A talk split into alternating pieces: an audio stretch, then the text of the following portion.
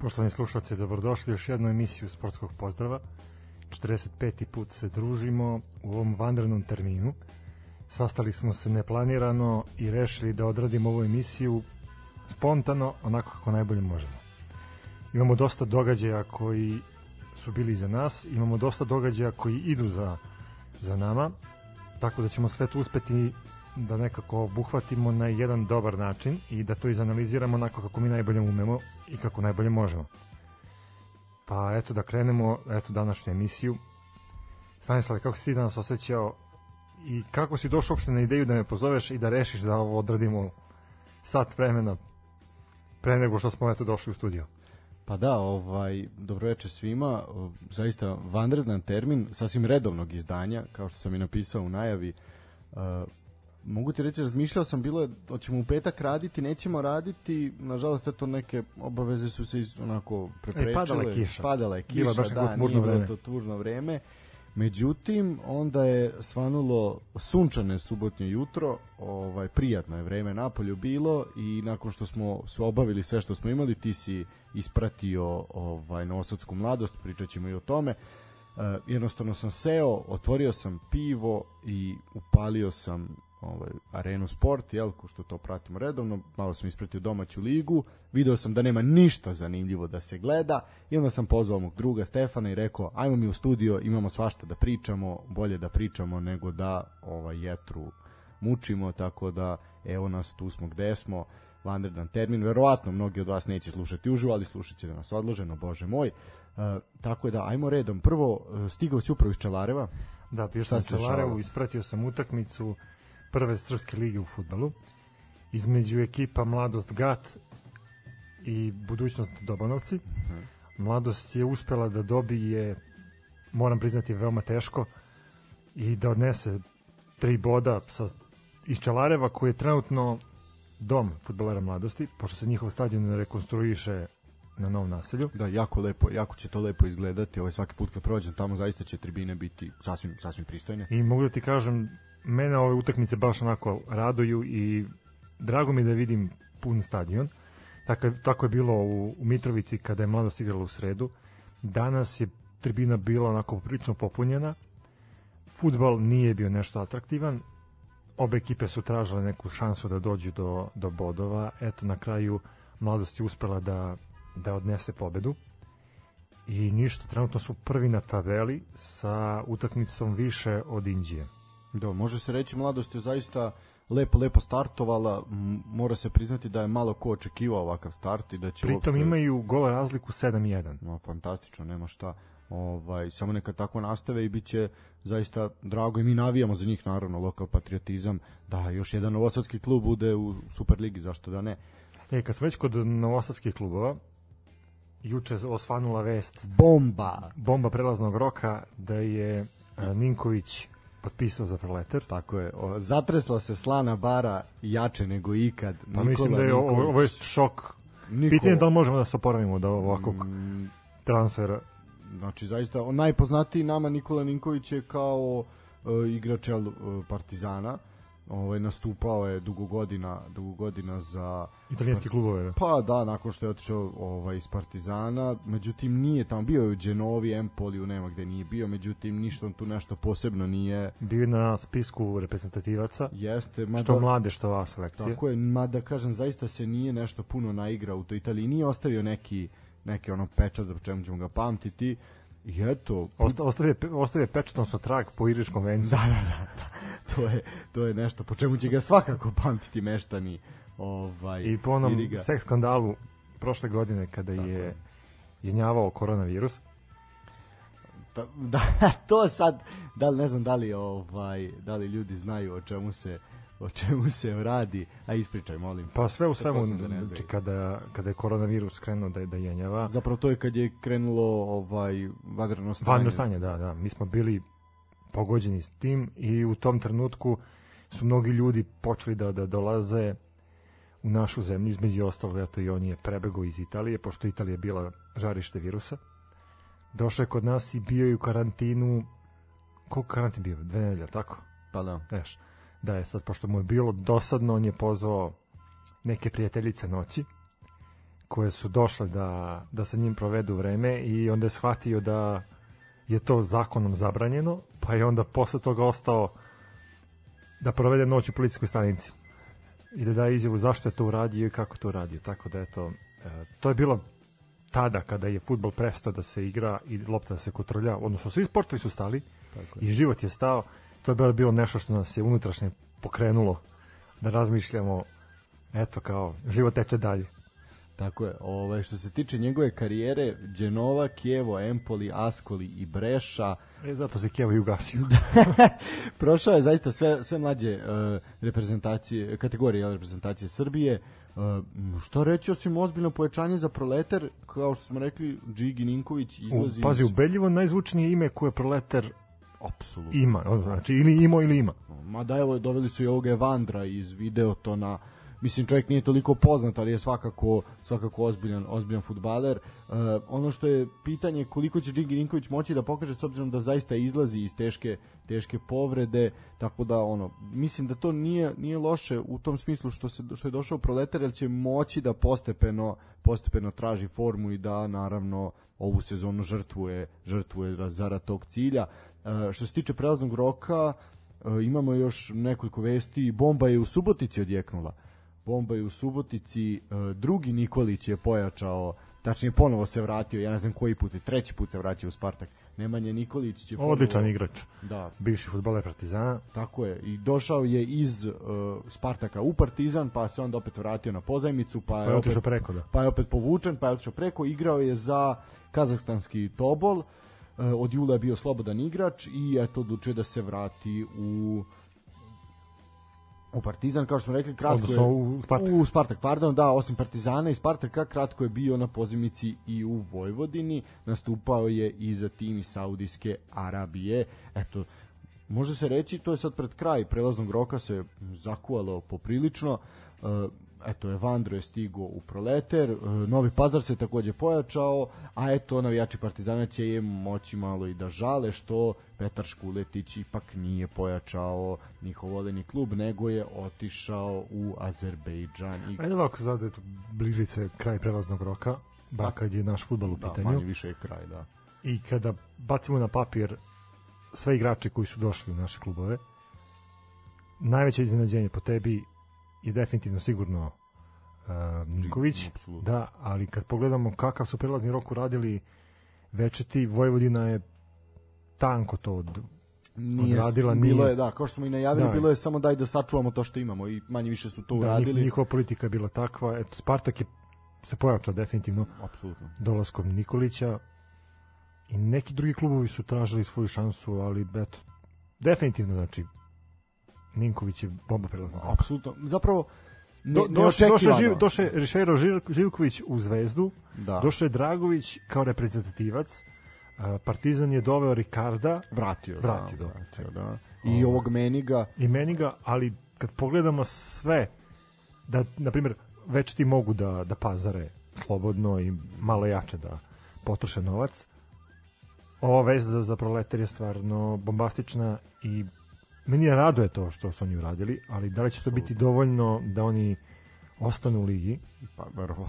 to, biće, biće. to će biti jedan veliki znak pitanja. Da, jako, jako puno posla ih čeka i moraju se zaista u, u onako usredsediti da da ostanu u ligi jer će biti biti zaista zaista gadno na tom putu no uh, ajmo ajmo ajmo na evropske puteve ajmo na evropske puteve pu, nešto što mogu reći da nisam očekivao a, a to su utakmice način na koji su se odvijale utakmice u Beogradu i na Kipru. Uh, ajmo prvo u Beogradu, pošto je ona bila ovaj, vremenski, jel, prva je počela. Aj, po takmičenju je važnija. Tako je, naravno. Uh, pobjeda Crvene zvezde, uh, veoma teška, fizički dosta zahtevna utakmica, što će biti jako bitan faktor pred večiti derbi, napeta, pripala je Crvenoj zvezdi na kraju, 0-0 u prvom polu vremenu, tri gola smo videli u drugom.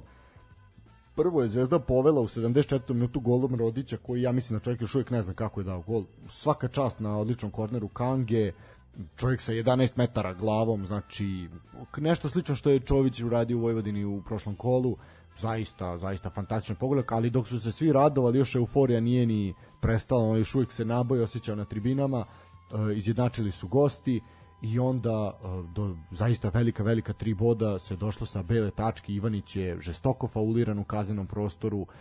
Pritom je dosta bio onako sa strane po meni nespretan. Ne, ja ne mislim da je nespretan faul bio i ne treba tako reagovati. Čovjek nije bio uopšte u opasnoj ni zoni šuta ni ništa. Mogo se ispratiti ali eto Ivanić je spretno pao ovaj ga je čovjek faulirao. Kataj siguran ima iskustvo izvođenja penala jel navežba se u našoj ligi hvala Bogu Tako da zaista bitna bitna pobeda za Crvenu zvezdu. E, što se tiče grupe u kojoj se nalazi Crvena zvezda, e, Ludogorec i Mitijan su odigrali nerešeno u Danskoj i mogu ti reći da ta utakmica kvaliteta vidi, ono što smo mi gledali na Miljakovcu je Liga šampiona za ono, ono je katastrofa bilo, znači ono ni na šta nije ličilo. Tako da Crvena zvezda po ome što je sad pokazala, apsolutno lagano može sve da dobije na svom terenu sa strane što uradi prolazi dalje. Eto, uzeli su tri, prva tri boda u grupnoj fazi. Nekima je to bilo iznenađenje, za neke može i nije. Ako pogledamo formu Zvezde u, u kojoj se trenutno nalazi, ovo je nekako početak nekog uzlaznog leta Tako. i drago mi je što to dolazi baš pred večiti derbi ali takođe mi je drago eto što smo imali kasnije priliku da vidimo što i Partizan dobio da. u, što se tiče da, ajmo, Kipru, da, da, ajmo sad samo kratko još u Zvezdi kažem e, sad pred večiti derbi jeste bitna pobeda i za samopouzdanje i uopšte za celu ekipu pa i za m, poleti taj koji imaju i navijači ali jako, po meni da su se igrači jako izmorili, znamo da Stanković slabo rotira u poslednje vreme, znači da osovine igre igraju u suštini konstantno, i to će biti veliki minus pred večiti derbi. Mislim da se neće stići dovoljno da se oporave da bi da bi ovaj s druge strane igrali su kod kuće, al Partizan je i bio na Kipru, mora da Upravo to, ti pogledaj da utakmica igrana u, u četvrtak kasno uveče. Imaš petak, subotu da odmoriš igrače, da spremiš taktiku i već u nedelju te čeka najvažnija utakmica u dosadašnjem prvenstvu. Tako je. Pa Ako pogledaš Partizanov put, Partizan je bio na Kipru, isto četvrtak uveč, oni su morali da se vrate petak, subota, po meni Zvezda ima više motiva da imam više između ostalog i, i mogućnosti da odmori igrače, ali opet kad smo pričali o tom voljnom momentu u večitom derbiju, to gubi na, na snazi. Tu je važno samo kako vi odigrate tih 90 minuta. Interesuje me kako će kako će lekari, kako će medicinska ekipa oba naša kluba to odraditi i kako će pripremiti igrače pred uh, večiti derbi. Pa da, u suštini uh, Partizan je odigrao po meni uh, ne toliko zahtevnu utakmicu, ali se to gubi sa tim putem, jel tamo nazad, pritom gubi se jedan dan za trening, pa makar to bila i relaksacija.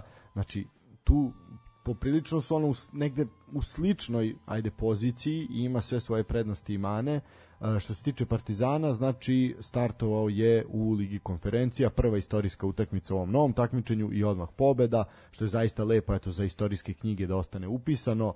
E, tri boda na startu takmičenja zaista mislim da je malo ko očekivao plati si se onako plašio malo tog, ne mogu reći plašio, ali rekao si Anortozis je dobra ekipa, posle te to zazezao ovaj Anortozis nije... Ne, ne, nismo, nismo se zazali, to je rekao uh, Lazar Marković na konferenciji za štampu.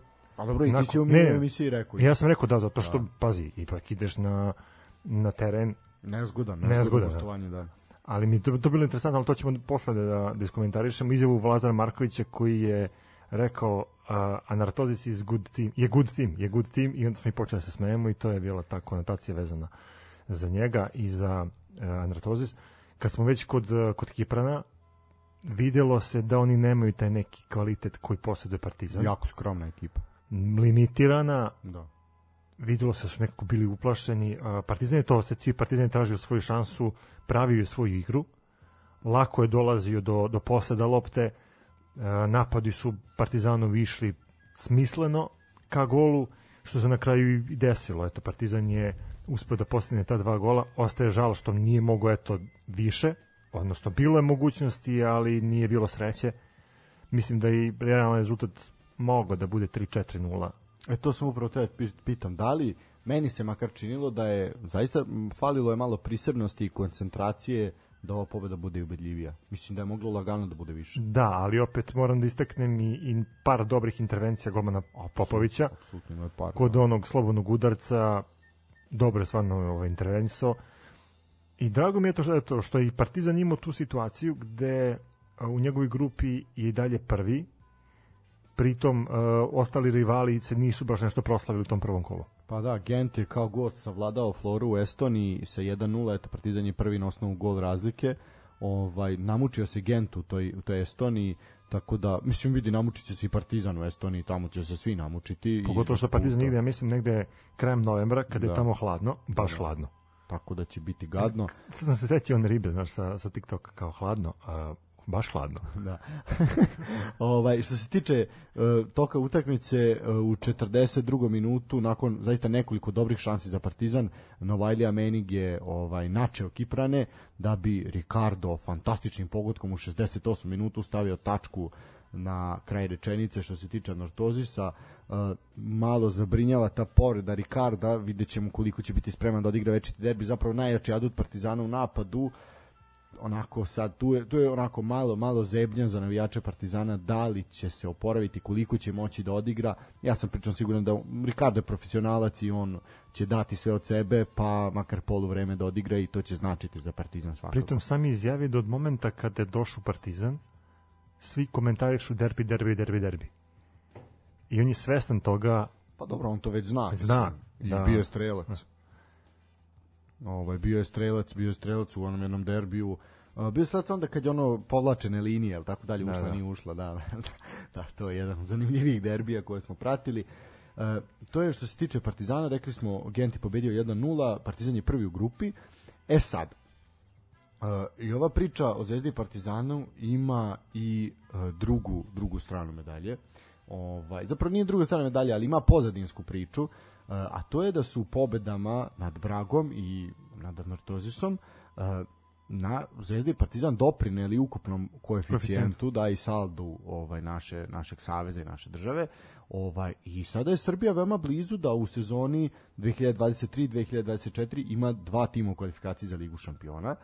Naša zemlja je trenutno na 12. mestu, ispred Belgije, Švajcarske i Hrvatske. Eto, možda mi da smo u nečemu ispred njih, ovaj, to je zaista, pogotovo ispred Belgije i Švajcarske, to nas posebno, posebno raduje. A ti kad ovaj- kao ljubitelj uh, hrvatskog nogometa, ovaj, ti znaš da da je Hajduk, odnosno u derbi između Dinama i Hajduka odložen je, da, na zahtev na Dinama zbog, pa vidi, nakon poraza od West Hema, ovaj dobro je što su odložili da se malo konsoliduje, bi Hajduk razvalio ovaj verovatno u derbiju, pogotovo derbi treba da se igra na poljudu tako da je tu kraj priče bi bilo. Dinamo nakon odlaska Lovra Majera ne može da se sastavi, fali neko ko povezuje igru i to se pokazuje protiv West Hema. Videćemo šta Meni će biti. Kao, bilo to interesantno, ok, kao na, uh, naši večeti su već odložili jednu utakmicu, Zvezda odložila svoju i Partizan svoju u prvenstvu i kao da li bilo moguće da se ta utakmica koja ide u nedelju u šest odloži za eventualno neki drugi dan. Šta ti misliš to? A pa, sad. Uh, sad jedni i drugi ulaze u popriličan ritam utakmica četvrtak, nedelja, četvrtak, nedelja, četvrtak, nedelja. Ako se sad odloži utakmica, a imaš uskoro da, da, i reprezentativnu pauzu... Tako je pitanje da. kad, kad se može pa nadoknaditi. Da, Onda imaš da. dve utakmice za nadoknadu. Pa da ali me interesuje kao znaš da li mogla da se ne znam prolongira ne sa šest nego bar da da bude ne znam, 9 A misliš što se tiče samog termina početka? Samog termina pa, ili da se pomeri za ponedeljak, pošto isto je ponedeljak aktualan za... Vidi večeti derbi ponedeljkom, pa to zaista ne. Pa to moraš ovaj, imati, uzimati obzir i samo organizaciju utakmice, znaš i sam da se takve bitne utakmice kao što Aha, je misliš ovo kao policajci policija, dobijaju dnevnicu. Je. Pa i to, a i Vikend dnevnicu. policija će ovaj organizovati to u, sklo, u skladu sa termin se određuje u skladu sa arenom, policijom i zajednicom superligaša, tako da napravi se neki kompromis. E, ovo ja mislim, sasvim korektno, korektno rešenje. Nedelja taman posle ručka, ko ne bude na stadionu, onako će zavaljen u fotelju sa podignutim nogama na sto, kako mi to volimo da radimo, ovaj uživati uz svetkovinu srpskog futbala. E, vratimo se samo kratko na ovu priču o koeficijentu. Znači, za, sada smo ispred, ispred ovih uh, država, s tim da, eto, uh, bitno je napomenuti da mi imamo dva predstavnika, dok, na primer, uh, Hrvati imaju samo jednog, imaju Dinamo, koji je startovao porazom i deluje da onako, mislim da je jako teško ćemo sad ovo ubrljačiti ko što umemo. A koliko imaju Belgijanci? Uh, tri. Tri. Da, mada su svi, mislim da su svi, svi ovaj svi su remizirali, da. Imaju klub Riž, imaju Gent, imaju ovaj još jednog predstavnika, sad sam zakucao, ali mislim da sam video tri. Ovaj tako da u suštini može se. Čak sad, ali sad to naša, naša priča je, odmah mi krenemo, ovaj, znaš kao bilo je uvek, dajte sad dva mesta u, u kvalifikaciji Ligu šampiona, vidjet ćemo koliko je to mač sa dve oštrice zapravo, i onda nakon toga sad kao a jebote sad možemo biti i deseti podimamo odmah direkt u grupnu fazu. Aj polako ajmo jedno po jedno aj prvo da budemo u 15 pa onda ćemo ganjati da budemo u 10 uh, e, što se tiče zarade uh, treba svakako to i to napomenuti jer naši klubovi žive od toga pobedom protiv Brage Crvena zvezda je zaradila 630.000 eura, znači jednom pobedom u grupnoj fazi Lige Evrope, što moraš priznati da je poprilična zarada. Uh, Partizan je triumfom na Kipru inkasirao 500.000 eura. E sad, znači, 130.000 manje. Da, znači nije velika razlika u zaradi, kao na primjer u odnosu na između Lige šampiona i Lige Evrope, tu su drastične razlike, znači ovde je samo 130, samo 130.000 razlika, ali je kvalitet takmičenja ne može da se poredi. Znači, dosta je slabija Liga konferencije nego Liga Evrope, mislim i po imenima i po svemu. Pritom da imaš tu situaciju gde je VAR prisutan samo na utakmicama Lige šampiona, nema ga u Ligi Evrope i Ligi konferencije. Tako je. Uh, što se tiče ukupan učinak koliko su i jedni i drugi zaradili ovaj računajući ovogodišnje kvalifikacije Crvena zvezda je zaradila 6 miliona i 100 hiljada eura, a Partizan 4 hiljade i 700. Znači 4 miliona i 700. 4 miliona 700, izvinjam se. Ovaj, što je zaista po, sasvim, sasvim korektna suma i nešto što našim klubovima omogućava da dalje žive i rade kako tako, ja, makar na aparatima.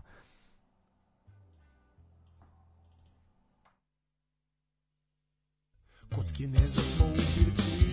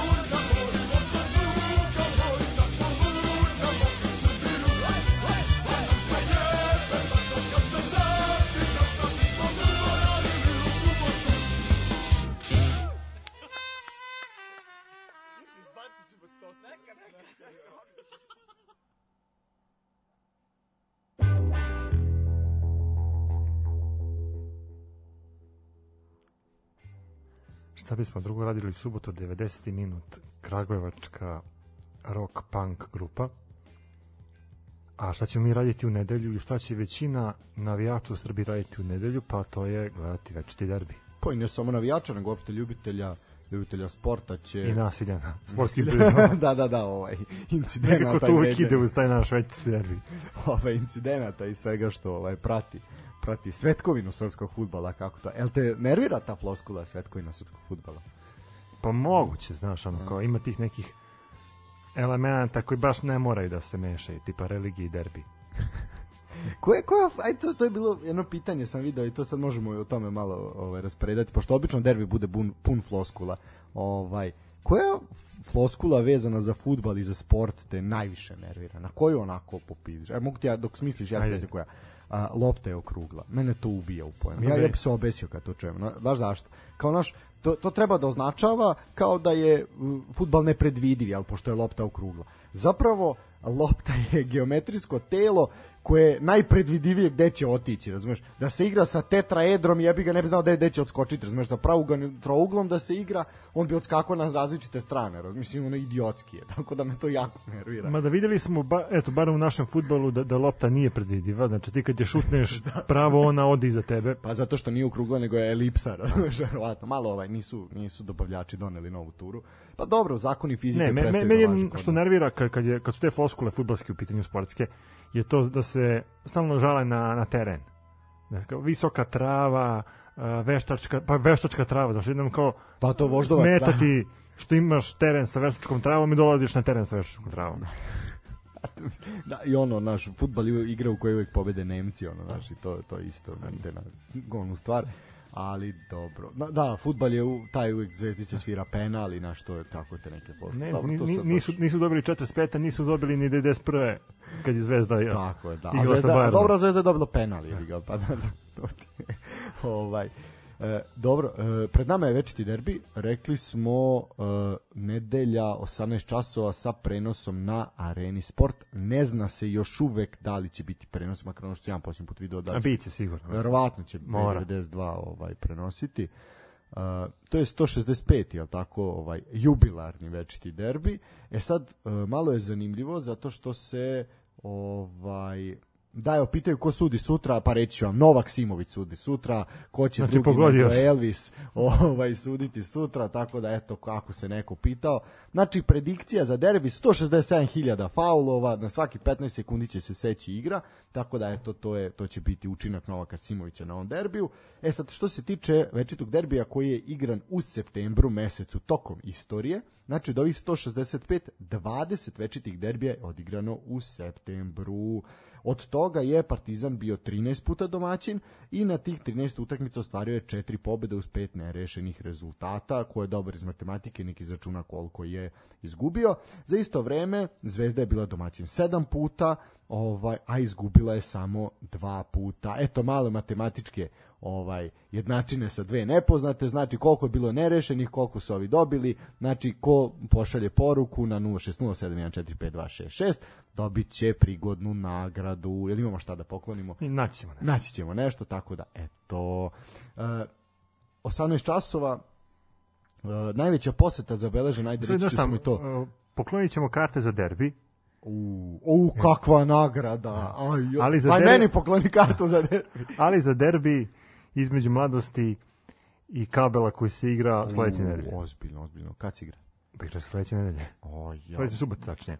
O, ovo je ozbiljno, ovo, ovo bi se moglo posjetiti. Mogu, mogu smeniti srediti kartu ili tozi, na primjer. Pa ako odgovori na tačno na pitanje. Ma nema šansa, ovaj računam, daj nešto drugo ću ti uraditi, ovaj, te pomazim ili nešto, mi se zagrlim, šta da, da.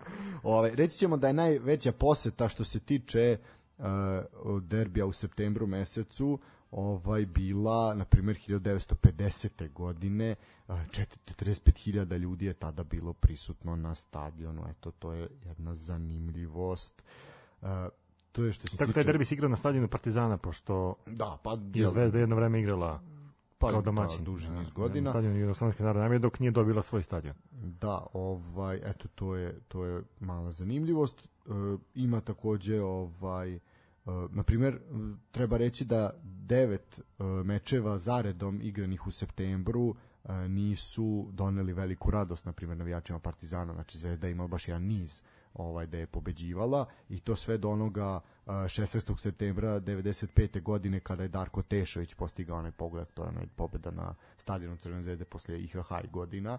Eto, to je, na primer, jedna zanimljivost.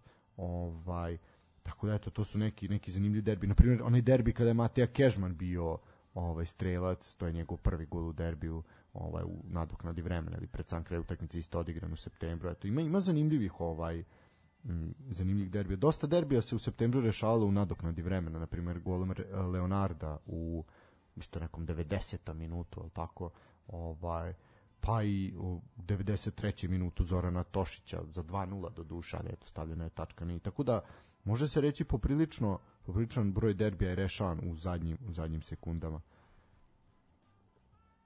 Šta ti očekaš u derbiju?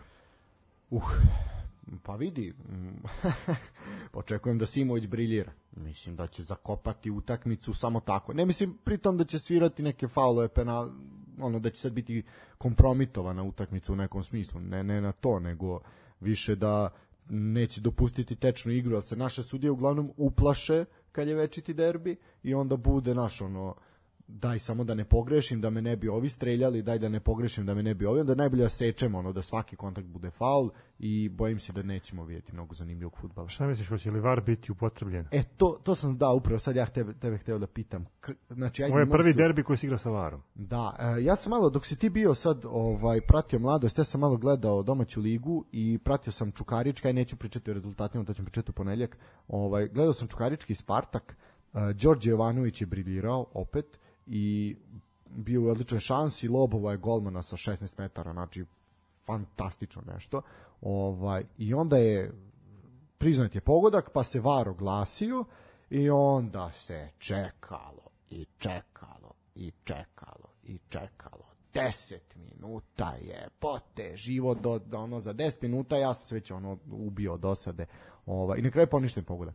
E, dosta će tu biti problema što se tiče vara, bar moje lično mišljenje, e, jer shvatili smo se dosta kako funkcioniše. Znači, mora sudija da svira nešto da bi var se uključio.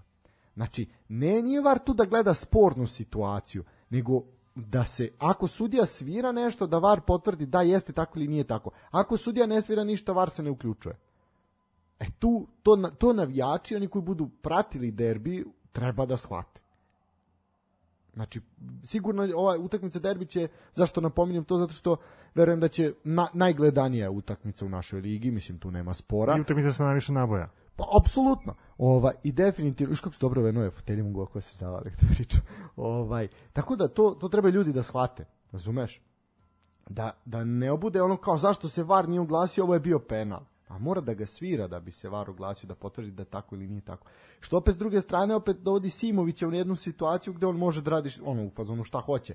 Lakše je ne svirati pa ne ulaziti u duel ni sa jednima ni sa drugima. Jer biće nabaja, vidi biće pun stadion. Znači biće katastrofa. Ovaj pritom danas smo imali šetnju, jel tako, u Beogradu. Pa mislim da je danas bilo, da. Jeste, da. da. Danas bi Belgrade Pride, odnosno Serbian Pride kako već se ide. Da. Ovaj, tako da, naš, biće, biće popriličan tenzija, siguran sam u to. Mislim da se prenela sa, sa Pride na, na derbi. I ne samo to, prenela se i sa svih ovih incidenata koji su se dešavali i, i u hali ovaj, u Beogradskoj areni i na stadionu Partizana tokom prethodnih utakmica pa i na Karađorđu. Ovaj, I šta ti misliš, će biti incidenat ili će biti miran derbi? E, to je bolje pitanje možda. Znaš kao, e, taj moment kada se VAR uključe i tih 10 minuta, to možemo da iskoristimo tako što će navijači da se ovaj, sukobe na te tribinama. Šalim se naravno. Ja priželjkujem da ovaj derbi protekne mirno i da sport pobedi. Da pobedi bolji na terenu, a ko će biti bolji, to ćemo saznati sutra. Mislim da je vreme stvarno da da gledamo jednu dobru utakmicu. Posljednja dva derbija baš nešto to i nisu klimala, bila. Klimala, da. Jedan je Zvezda dobila, drugi Zvezda dobila preko penala, to je bio onaj u kupu. Ne je bilo nekih lepih poteza, nije bio futbal u prvom planu, ali nisu bili ni neredi, što je najvažnije. Ali bi stvarno volao da vidimo jedan atraktivan futbal. Opet, uh, znamo da je ovo utakmica gde Partizan ulazi kao apsolutni favorit, prvo zbog uh, pozicije na tabeli, drugo zbog toga što svoju utakmicu igra na domaćem terenu. A da li je baš apsolutni? Pa, dobro to pitanje, ali ja mislim da jeste. Jeste favorit, ali nije apsolutni možda. Ali da, zašto sam, zašto sam upotrebio taj izraz apsolutni? Zato što Partizan od početka sezone nema ni jedan poraz. Dobro. Zvezda kiksnula sa Vojvodinom. Zvezda se muči, Partizan relativno lako dobija svoje rivale. Kad igrate protiv Partizana, pitanje je samo koliko ćete primiti, golova primiti. I kad će pasti prvi. Pa da. Da. A Zvezda opet igra to hladno. Zvezda ima momente kad igra prvo polovreme 0-0 i onda da 2-3 gola u drugom polovremenu ima momente kada se muči. Uh, bez veze ima problem sa realizacijom. To smo pričali i sa, uh, kad je bio to za tu, pričali smo o tome da Zvezda ima problem sa, sa napadom, sa navala im se svodi na, na kreacije dva igrača. Tako je, pritom imaju problem da neće imati Milana Pavkova, ovaj, što je isto, isto ozbiljan, ozbiljan problem. Pitanje je koliko će moći da se Dejan Stanković osloni na Dionija. Mislim, to je o, ozbiljno pitanje. Ovaj, s druge strane, isto šta će biti ako Ricardo ne bude mogao. Holender, je van svake forme, znači što je poprilično, ono jeste dao taj gol, ali on i dalje zaista nije ni senka tog igrača od prošle sezone. Imate meni da, da su, da su igrači stvarno povređeni i da klubovi ne računaju na njih? Ili je to samo možda neki trik da se zamaže ili da se promeni strategija u odnosu na, na ali, protivnika? A, znaš kako, sad, ajde, ajde možemo, ok, odlično pitanje. Znači, ajde da gledamo to iz situacije Partizana. No ne, Pavkov je sigurno, poređen čovjek iznet na nosilima, tu nema priče. Uh, ajde Ricardo, to je bolje možda pitanje. Znači, imaš jednog jedinog pravog napadača, to je Ricardo. Ajde ovog malog Milovanovića ne računam, znači to je tinejdžer. Znači imaš jedinog pravog afirmisanog napadača u liku Ricarda. Uh, znači, svi znaju kako igraš. Odigrao si milion već sad utakmica tako, znači 7-8 kola plus Evropa, sve si igrao na taj način, čovjek ti odigrao uglavnom ono 75% minuta ovaj ove sezone. Znači svi znaju kako igraš. Taj Menig opet nije, koliko god čovjek zaista je napravio razliku, brz je, eksplozivan, sve stoji. Ali on nije klasičan špic. On će igrati po krilu, verovatno. I to je dobro. Ono što sam ja očekivao od, od tandema Holenda Ricardo ćemo verovatno dobiti od tandema Menig Ricardo. Da se, elem, da se vratim na ovu priču. Znači, koliko ti možeš da prevariš nekoga kad svi znaju kako igraš? Šta ti drugo možeš uraditi? Mislim, ja ne vidim tu neku, neku foru veliku, niti neki velik prostor za neki manevar i neku prevaru. Pa veći prostor za manevar ima Dejan Stanković. E, kad smo kod toga, moram, moram da ispričam ovu anegdotu. Uh, imao sam prilike da razgovaram sa jednim od uh, naših futbalera i nadamo se učesnika tog narednog večetog derbija, koji mi je rekao baš za teo korišćenje e, tih kamera u svrhu edukacije samog igrača. Kada igrate protiv nekog kluba o kome ne znate mnogo, kaže, ako dobijemo materijal da se jedan igrač, kaže, eto, pošto igram odbranu, kaže, imam materijal, video, gde jedan napadač ima pet driblinga, šest, kada primi loptu na ovu stranu, okrenuće se ovako, dodaći na stranu, Kaže, ti čitaš njegove pokrete, kaže, ja sve to znam i meni je u glavi svih tih 5-10 formacija koje on koristi pri kontaktu sa loptom, kaže, ali ja reagujem onako kako mislim da ja treba da reagujem na tom trenutku. I to ima veze i sa tom strategijom sa kojom izlaze futbaleri pred, pred meč. E, Dejan Stanković je pokazao da zna da vodi ekipu, ali uh, kad uporedimo njegov posao koji on radi u Crvenoj zvezdi koji su radili njegovi prethodnici, prethodno mislim na Dejana Milovića, ovaj, mislim da nije baš stručan da, da vodi ekipu na, na taj način. Uh, Aleksandar Stanović mnogo bolje raspolaže sa situacijom na terenu, bar kad je u pitanju njegova ekipa. Uh, imamo, eto, opet vraćam se na, na, na Stankovića. Uh, Stanković je znao u nekim momentima da a, svojim izmenama direktno utiče na, na krajnji rezultat dok opet Stanović tačno zna kad može da, da uradi i zna kad može da predvidi datu situaciju. Da. E sad, ovaj, da, stigla jedna poruka, na to smo zborili da spomenemo, i Ben se povredio protiv Brage. Znači, ti ćeš sad imati uh, ajde da, ajde sad da kompletiramo, poentiramo sa tom pričom. Znači, e, mi smo kom, e, kritikovali Dejana Stankovića i uopšte igru Crvene zvezde na početku sezone, jer je čovek menjao apsolutno sistem iz kola u kolo. Znači, totalno nešto suprotno je bilo svaki put i sećaš se da sam ti pričao da su naši drugari iz eh, analitičkog tima Vojvodine imali problem jer nisu mogli da pripreme uopšte analizu kad čovjek svaki put menja taktiku, nema šta da pripremim, kako da pripremim, šta da pokažem igračima. Znači, sad imaš dva izuzetno pokretna igrača, što Dioni i Rišario Živković, Živković zaista jesu, i kada su oni pokretni, a znamo da je odbrana Partizana spora, statična, znači, statična, definitivno, nisu, nisu pokretljivi, tu ti onda još dolazi, znači, ako ih odvuku i razvuku, što će verovatno biti slučaj i na to će igrati, iz drugog plana ti napadaju Ivanić, Kata i Kanga. I to je ozbiljno, ozbiljna osovina kojom Zvezda igra, kako, kako igra i kako napada i tako će napasti Partizan. Tu nema šta puno da se sakrije. Znaš kako, ako se sad vratimo na, na izjavu Aleksa Fergusona, koji je često pričao o tome kako treba futbol da se, da se postavi i da utakmicu dobija onaj ko bude dominantniji na sredini terena. Šta misliš, ko u ovoj situaciji može biti dominantniji na sredini terena i koji može donese prevagu? Koji igrač? Uh, Eto, pošto si spomenuo da, da. imaš uh, da imaš napadače da iza njih ide taj trojac da, Kataj, Kataj Ivanić Kanga.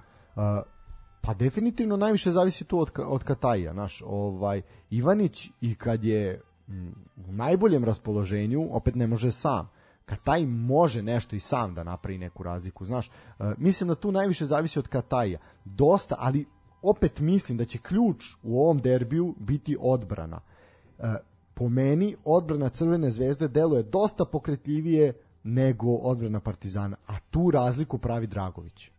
Znači čovjek je klasa, nema šta.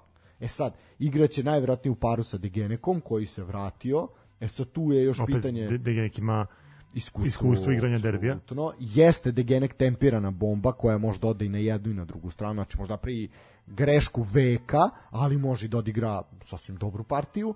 E sad, tu sa strane ćeš imati Rodića, Gobeljića, znači tu neku će moći da subaci. Vidi, ako uđe Mesar sa nogo, ono, bit će vjerojatno i krvi iskopanih očiju, tako da tu zaista može svašta, svašta se očekuje. To su neke prednosti, prednosti koje ima uh, Crvena zvezda ono što je osnovni problem Crvene zvezde su problem sa napadačem koji smo istaknuli, znači izostanak golova napadača.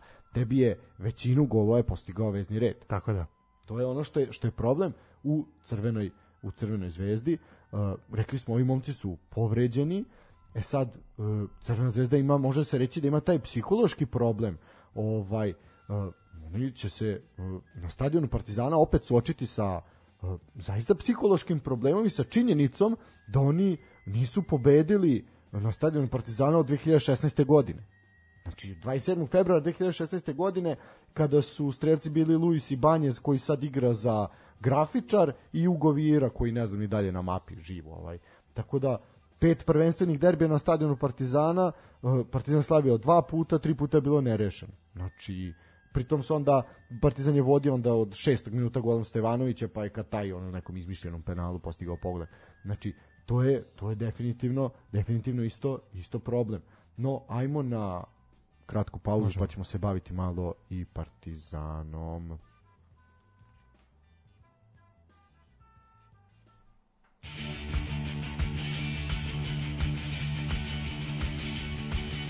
We worked our way up from East End pubs to gigs at backstage passes, Xboxing champs, West End clubs, Americans in dark glasses, driving ten grand cars, drinking hotel bars, even making money in bed.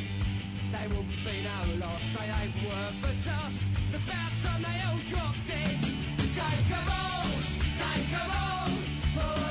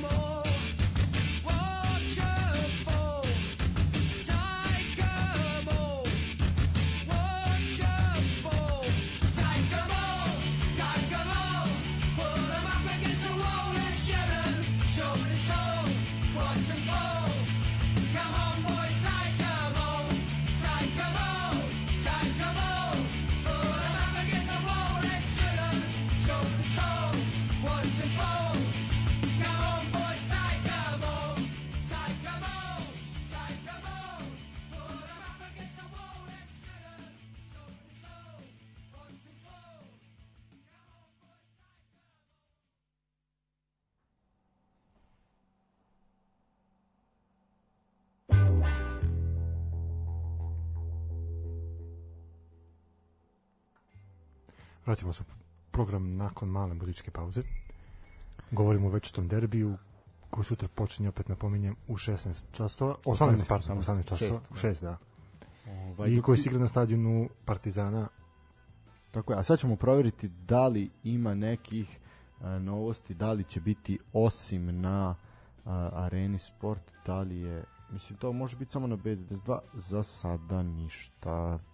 Za sada ništa, vidjet ćemo da li će se nešto promeniti u toku dana. Uh, pričali smo o Crvenoj zvezdi, šta su prednosti i mane Crvene zvezde, sada možemo da pričamo i o Partizanu. E sada, od dana kada je postao trener Partizana, Stanojević u suštini ne menja puno u sistemu igre i nekoj filozofiji. Uh, ono što sam malo pre rekao, znači poprilično su predvidljivi. Ovaj, uh, njegova početna želja je bila da igra sa trojicom nazad u zadnjoj liniji, međutim uh, jednostavno to nije mogo da primeni zato što igrači ne mogu to da iznesu. Ovaj, I on je uh, vratio formaciju na 4-2-3-1 i redko zaista od nje odstupi. Uh, ovaj što se tiče uh, Partizana sa tom sa tim sistemom igre Partizan je imao zaista dugu seriju pobeda ono u prethodnom prvenstvu ovaj koja je bila do večitog derbija a i zaista je u novom i nastavio nastavio da melje kao što su ti Stefane i i rekao zaista je samo bilo pitanje koliko ko će se koliko Ovo je deveto kolo tako Da. Da, Partizan znači ima osam vezanih pobeda u, u domaćem prvenstvu. Da li Zvezda može da prekine taj niz ponovo?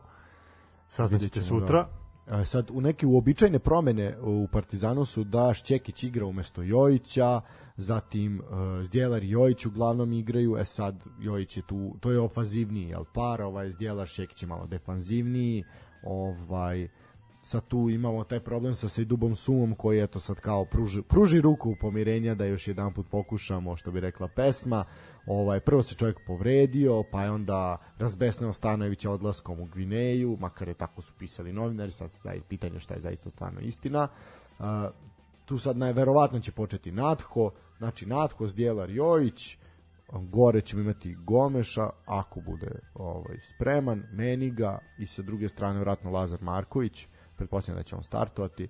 Ovaj, tako da u suštini ofanzivna ofanzivna ekipa Partizana. Partizan je sa 25 golova najefikasniji tim Superlige. Postigao je gotovo duplo više pogodaka od Crvene zvezde, zvezda 13, znači zaista su efikasni. Ovaj na 7 evropskih utakmica dali su 11 golova.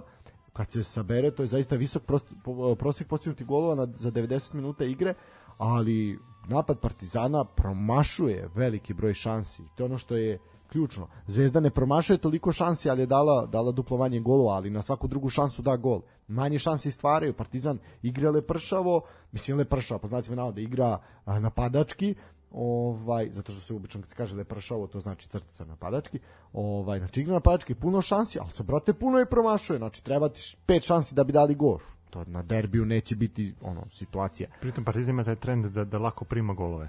Naravno iz budalaština. Ovaj tu je možda šansa za Zvezdu. Da, e, to je upravo to što si rekao, znači do sada e, ti promašaji nisu koštali Partizan ali uglavnom u večitom derbiju takve stvari te koštaju. Znači, u pravilo nepisano je da jedna ekipa konstantno napada, promašuje, da druga ekipa pobedi. To smo videli milion puta, evo mi obojica ono pre, 20 godina pratimo večiti derbi i više ovaj i to zaista se to je nepisano pravilo e sad e, što se tiče nekih drugih e, prednosti tu je svakako e, imamo imamo Natha koji je fantastičan imamo Zdjelara koji je ono po, pokretačka snaga Partizana koji će zaista pozatvarati sve živo što mu se bude Mislim ovaj, da od njegove igre zavisi rezultat Partizana. Mnogo, mnogo. On je, mislim, taj, taj ključan, pitao sam me ko je ključan uh, na, u, u veznom redu. Svakako su ovde to Ivanić i, Ivanić i Kataji, plus Kanga šta uradi, a ovde ta veza Natho Djelar, tu će biti poprično od Zekijovića, ne znam koliko mogu da očekujem na ovom derbiju. Viš kako on je krenuo jako loše, pa je vezao dve, tri utakmice gde je stvarno bio dobar. I ja sam očekivao, bar kad je on u pitanju, da će on nastaviti sa takvom igrom. Došao je taj kipar gde je meni on opet pokazao kao neku dozu nezainteresovanosti, pritom u nekim momentima kada je treba odlučnije da reaguje, on se ponašao kao jedan običan amater. Da, da. Amater. amater. Amater. Ove, ne, pa, stvarno, stvarno ne znam, kao, e, jako igra promenljivo. Opet, e, njegova prednost dolazi iz toga što on mahom izvodi e, prekide i tu Partizan sa svojim dobrim uh, skakačkim sposobnostima postiže golove. I to je ta veza između Jojića i defanzivne linije Partizana, jer imali smo tu situaciju da u većini slučajeva golove postižu ili Šćekić ili Vujačić pa i Saničanin. Da. Ili što bi rekao Stranić, Seničanin. Ovaj, da, e sad, ono što je isto bitno kao neka prednost Partizana, da nema te neke panike u igri nakon što se primi pogodak, znači to smo imali uh, na primer protiv Sočija, protiv pa i Santa Klare, znači pa i kad se primio se gol na primjer i u Kragujevcu i sve to, ove. Znači igramo svoju igru, igramo na način na koji igramo bez obzira da li je 1-0 za protivnika ili je 2-0 za nas. To je zaista velika velika prednost u igri Partizana, to nešto nema Crvena zvezda, jer oni se zaista uspaniče, pogotovo kada igraju na svom terenu, Znači, kad ono prvo pole ne daju go, onda kreće nabijanje u kazneni, daj samo da se nešto uradi pucanje sa 30 metara. Znači, to je zaista onako razlika i prednost Partizana. Što se tiče te neke čvrstine na terenu i duela, to neće izostati.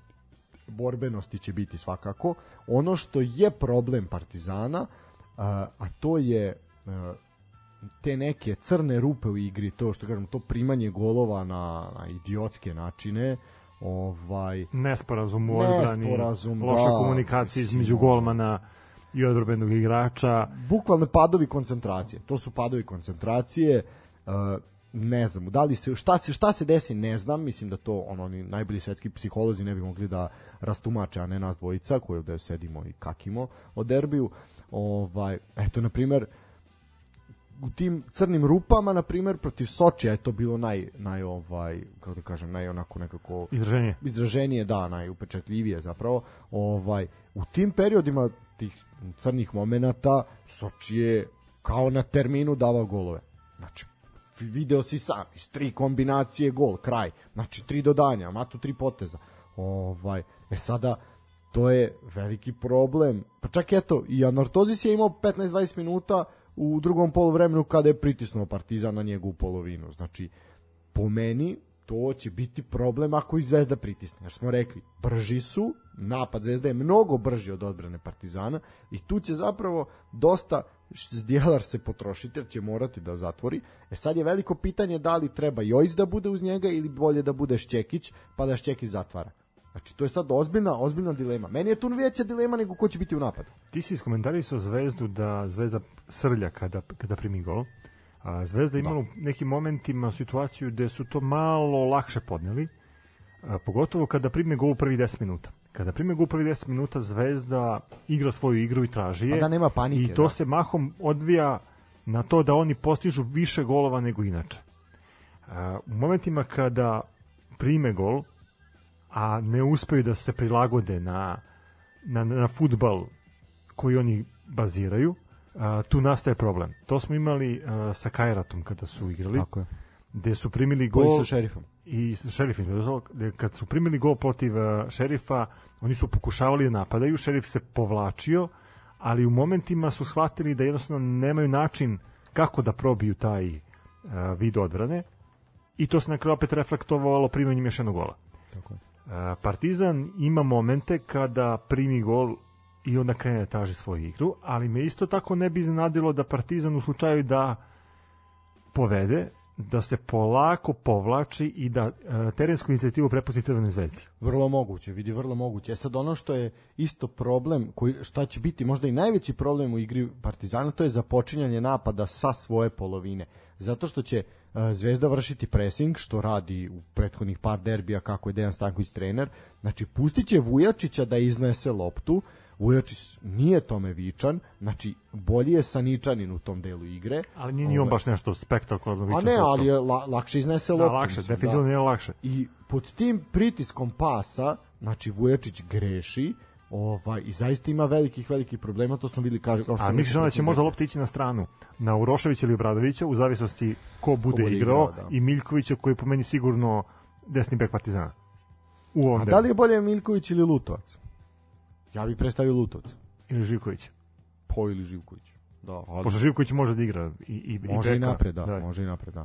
Ovaj, pa zato sam rekao Lutovac, najviše zbog te ofanzive, mada je Lutovac ultra ofanzivan, znaš, možda treba ja sam, da ja sam ubeđen da će Partizan po boku uh, igrati sa Obradovićem i, i Miljkovićem i da će ispred njih verovatno biti Marković ili ovaj na drugoj strani pa eto možda Manning, ali ne verujem da će da će Manning da početi da, da. da. Pa vidjet ćemo. U suštini uh, Partizan Ili Jović, se... između ostalog Jović. Da. Pa, pa tu je isto, da, Marković, Jović, Manning, tu će se, Holender, tu će se zapravo vrteti neka priča oko njih. Sad je opet, vidi, sve je pitanje da li će Ricardo igrati. Ako Ricardo ne igra, onda će neko od njih morati da igra u centru napada, verovatno Holender, ovaj, onda tu imaš... Ali dobro to što si rekao, da, da, da pa, što pre Partizana imaju problem sa iznošenjem lopte. Kad ih pritisnu, da. da. Ja mislim da će se golman Popović više opredeliti da, za da. ili ispucavanje ili za slanje lopte po strani. Pa da, i tu će Zdjelar morati opet da spušta, isto tako i Jojić, da bi mogli da bude ta, ta distribucija lopte uspešnija. E sad, ono što je sigurno, Partizan se neće braniti, uh, možemo reći da nerešeno malo više odgovara Partizanu nego Crvenoj zvezdi, jer bi ostao na dva boda prednosti.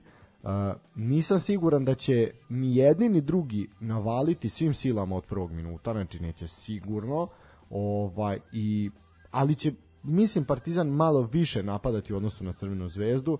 E sad, vidi, pobeda u derbiju plus 5 na tabeli u ponedeljak ujutru uz Kimbo kafu, ozbiljna priča. Tako da vidjet ćemo. Kad smo kod kafe, kako komentarišeš novo staro pojačanje? Pa evo, kad smo opet, o, i dalje smo na, na vezi Partizan uh, uprava. Uh, Partizan je zvanično promovisao novog starog sportskog direktora.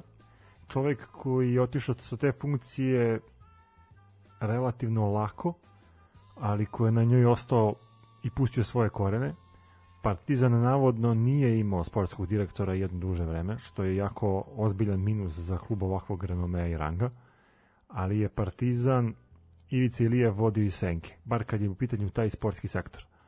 Sada se ponovo vratio zvanično, je dobio istu funkciju koju je obavljao i koju obavlja već duži period, samo je to dobilo na značaju baš zbog toga što nije bio u klubu, a zapravo je bio.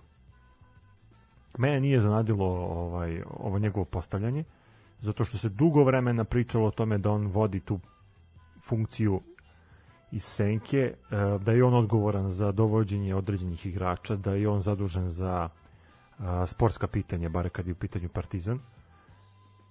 Takođe bilo je nekih nagoveštaja da je uh, njegov odnos sa Aleksandrom Stanovićem bio poljuljan, da je Stanović tražio određeni igrače da mu je Lijev nudio neke druge. Ali to ne znamo i to su sad samo spekulacije. E, mislim da ništa ovo neće promeniti funkcionisanje Partizana u narednom periodu, ali ono što ja, što ja kao sportski zaljubljenik mogu da, da kažem kada je tu pitanje Ivica Ilijev, da sam očekivao od njega mnogo veći rad ove sezone.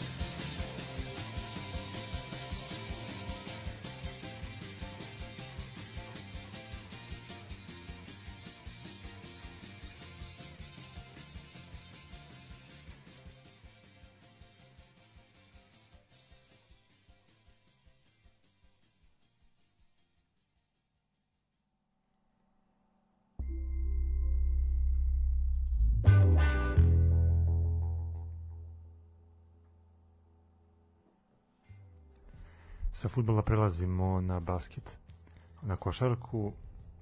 Imamo jednu jako tužnu vest koja je pogodila sve sportske radnike u Srbiji. Pa a najviše, radnike, da. a najviše uh, one koji su vezani uskom za košarku. Čekaj, mislim da, da postoji prikladan način da ovo najavimo. Samo sekundu jednu. Opa,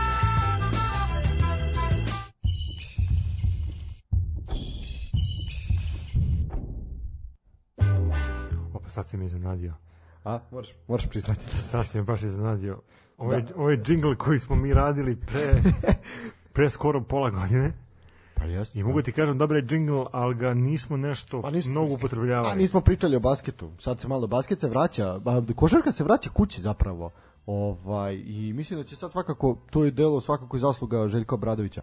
No, ajmo da, ajmo ono što je potreslo sportsku javnost, izvini što sam te prekinuo. Da, eto, saznali smo u četvrtak uh, da je proslavljeni sportski trener Duda Ivković preminuo da posle ovaj kratke kratke ovaj bolesti Uh, šta da kažem? A ljudi su ostali stvarno bez bez komentara, uh, jako tužna vest, uh, pritom taj dan se opraštao Novica Veličković, pa je da. to uticalo dodatno na, na ljude koji su radili sa Dudom Ivkovićem, pritom i na samog Novicu Veličkovića, on je njemu bio selektor u reprezentaciji. Tako je, to je ono 2009. godina srebrna medalja. Da, u Poljskoj, tako. Da. Evropsko prvenstvo. Da, Evropsko prvenstvo u Poljskoj. Šta reći, čovjek koji za sebe ostavio mnoge stvari. Apsolutno. Dosta trofeja, dosta ljudi je izveo na košarkaški put, dosta igrača ga pamti. Čovjek koji je uspeo da povrati ugled jugoslovenske košarke nakon rata. Pa da, srpske, ajde recimo. Da, srpske. Da. Ovaj, eto, mi smo predvođeni Dudom Ivkovićem uzeli zlato 95. Pa ajmo, On je ajmo bio redom, glavni, da. glavni selektor, pomoćnik je bio Željko Bradović. Stvarno veliki gubitak, eh, ne znam šta da kažem. Pa ne, da, ajmo redom ćemo pobrojati uspehe. Zaista je teško nabrojati sve igrače koje je trenirao i koje je izveo na put, to, za to bi nam trebalo tri dana.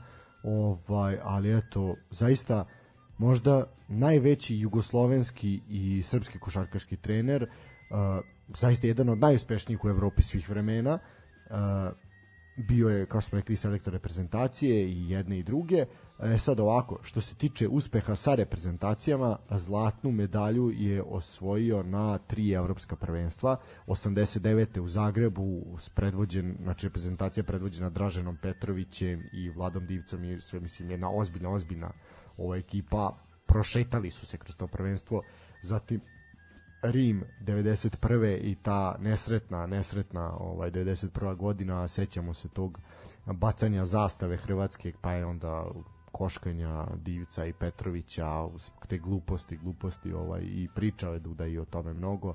Zatim, posle sankcija, Atina 95. Uh, onako jedan žestok naboj i u igračima i u samoj naciji ovaj koja je tada jel ono prvi put nakon tih sankcija izlazi izlazi na neko takmičenje i na kakav način osvaja i onda ga nije bilo u reprezentaciji do 2008. godine kada je a, izabran za selektora košarkaške reprezentacije Srbije i uradio je jedan fantastičan posao ovaj za koji se mislim tek sada ovaj shvatilo kada ga više nema a to je da je on zapravo uh, trasirao put i postavio temelje za uspehe reprezentacije koja je imala reprezentaciju u prethodnom periodu pod selektorom Đorđevićem i tako dalje i tako dalje.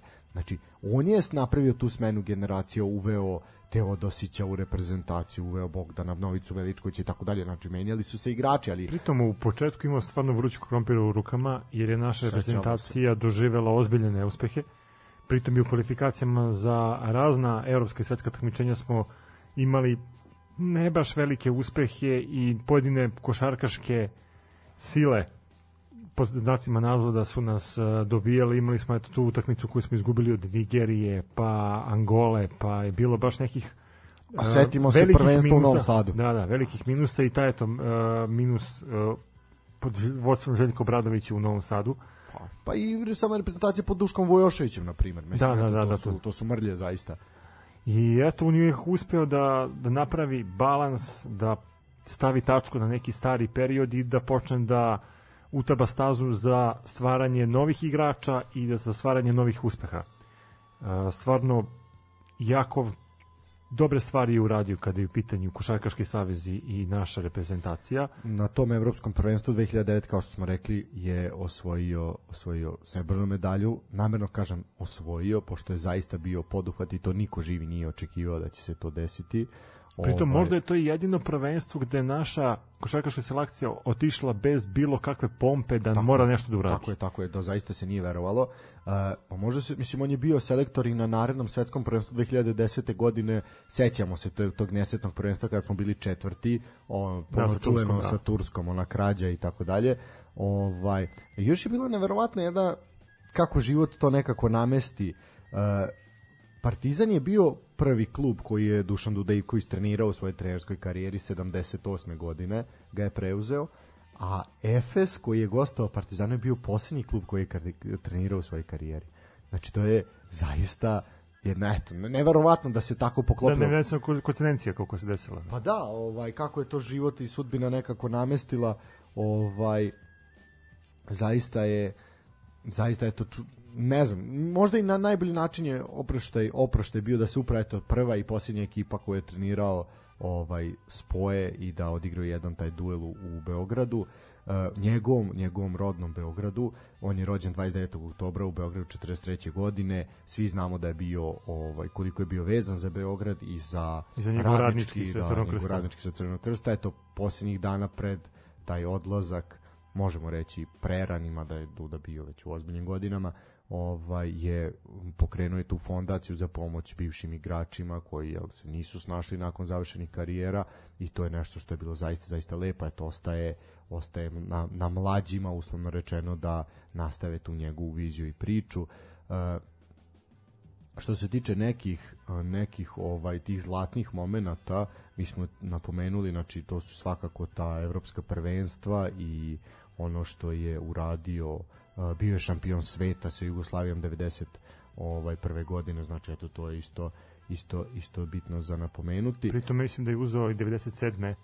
A, samo što su oni Željko... Da, prvak Evrope bio. Da, da, ali mislim da je uzeo 90, 97. ili 98. je bilo svetsko prvenstvo, isto negde u Latini. E, ti to proveri, ja znam samo da su oni i Željko Bradović rotirali mesta, pa je A to pa se vodi kao Željkova Da, da, da, pa je, ali opet Duda je bio tu isto šampion. Da.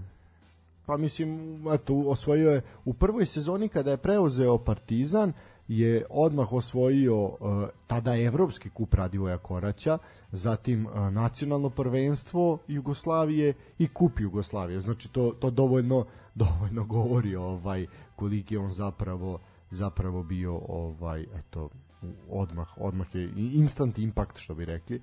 Ovaj 97 je bio prvak uh, Evrope sa Olimpijakosom, Uh, sa Ajkom je imao, zapravo njegova karijera u Grčkoj je onako poprilično je tamo božanstvo, mislim sa svim živim klubovima je osvajao sve i sa Paukom i sa Olimpijakosom i sa Ajkom, vodio i Aris, mislim on sve žive je vodio. Jedno Panathinaikos, Panathinaikos nije vodio, da, da.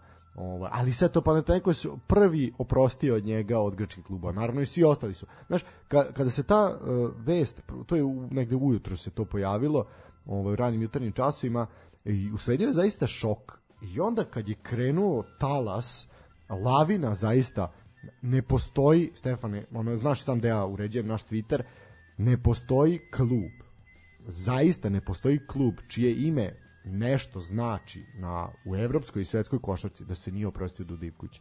Od Makabija, Panantanaikosa, Ajka, Paoka, Arisa, Olimpijakosa, Partizana, Crvene zvezde, uh, FM, ma znači svi ovaj zagrebačkih klubova, uopšte hrvatskih, sve, svi klubovi sa prostora bivše Jugoslavije, e, saveza svih mogućih, e, futbolskih klubova, znači zaista pokazuje olimpijski komitet, zaista pokazuje e, pojedinačno asova, mislim to neće od Grega Popovića, Željka Obrajić, ma mislim vidi, zaista ono to, toliko, toliko ljudi da to zaista izlišno i nabrajati. Samo ćemo nekog ovaj uvrediti što ga nećemo spomenuti. Ovaj, zaista su mnogi, mnogi onako pronašli i, i neke zanimljive anegdote vezano za Dudu Ivkovića i njihovu saradnju sa njim pa i sve ostalo. Ovaj, i sam rad pod njim i tako dalje i tako dalje meni najzanimljivije je tada su se igrači Partizana žalili 70. 78. godine koliko je bilo teško i naporno trenirati, kako ih je mučio zapravo, a zato su uradili to što su uradili. Tako da, zapravo odaje utisak kolika je veličina bio i mislim da ćemo tek u vremenu koji sledi koji je ispred nas, a nažalost ćemo provesti bez njega, ćemo shvatiti kolika je on legenda bio i šta smo mi zapravo izgubili. Upravo tako. E, mislim, možemo se tu nabrajati šta je čovjek se osvojio, ono, zaista je izlišno, ali eto, bitno je, znaš kao, obično za tako velike trenere, malo je takvih trenera, a znaš, obično oni naš u svoje mladosti uzmu sve živo i onda žive na račun stare slave, ali Duda nije bio takav, on je čak i u, već u poznim trenerskim godinama, na primjer 2012. je bio prva Grčke sa, sa Olimpijakosom, 2015. je uzeo trofeje sa Efesom, Znači, dva, dva da, kupa. Da, već imao 60 nešto godina. Po, pa tu je već bio, da, skoro 70, da.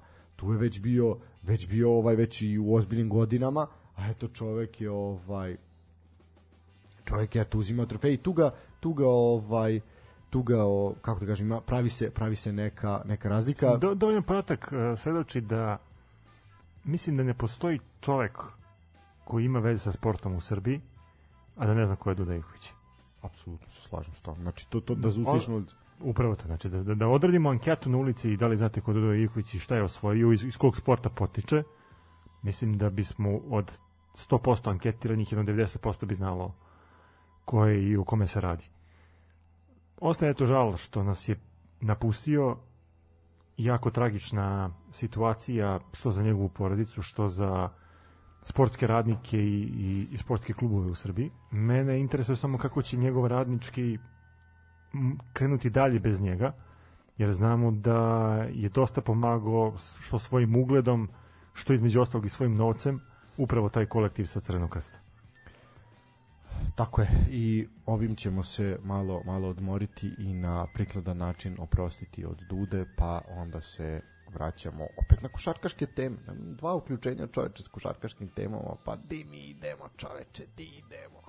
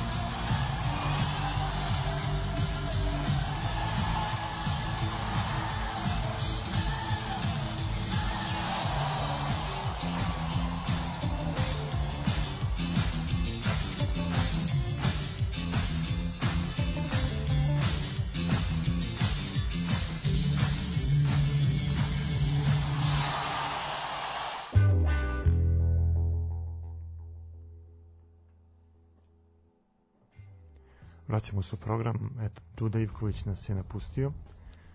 Otišao je zauvek, a otišao je Novica Veličković, ali samo sa košarkaških terena. Tako je, da, ovaj, što bi rekao Marko Bulat, čije noge danas nikuda ne žure, ovaj, e, stigle su zaista do mature, stigle su do poslednjeg, poslednjeg čina, čina u karijeri.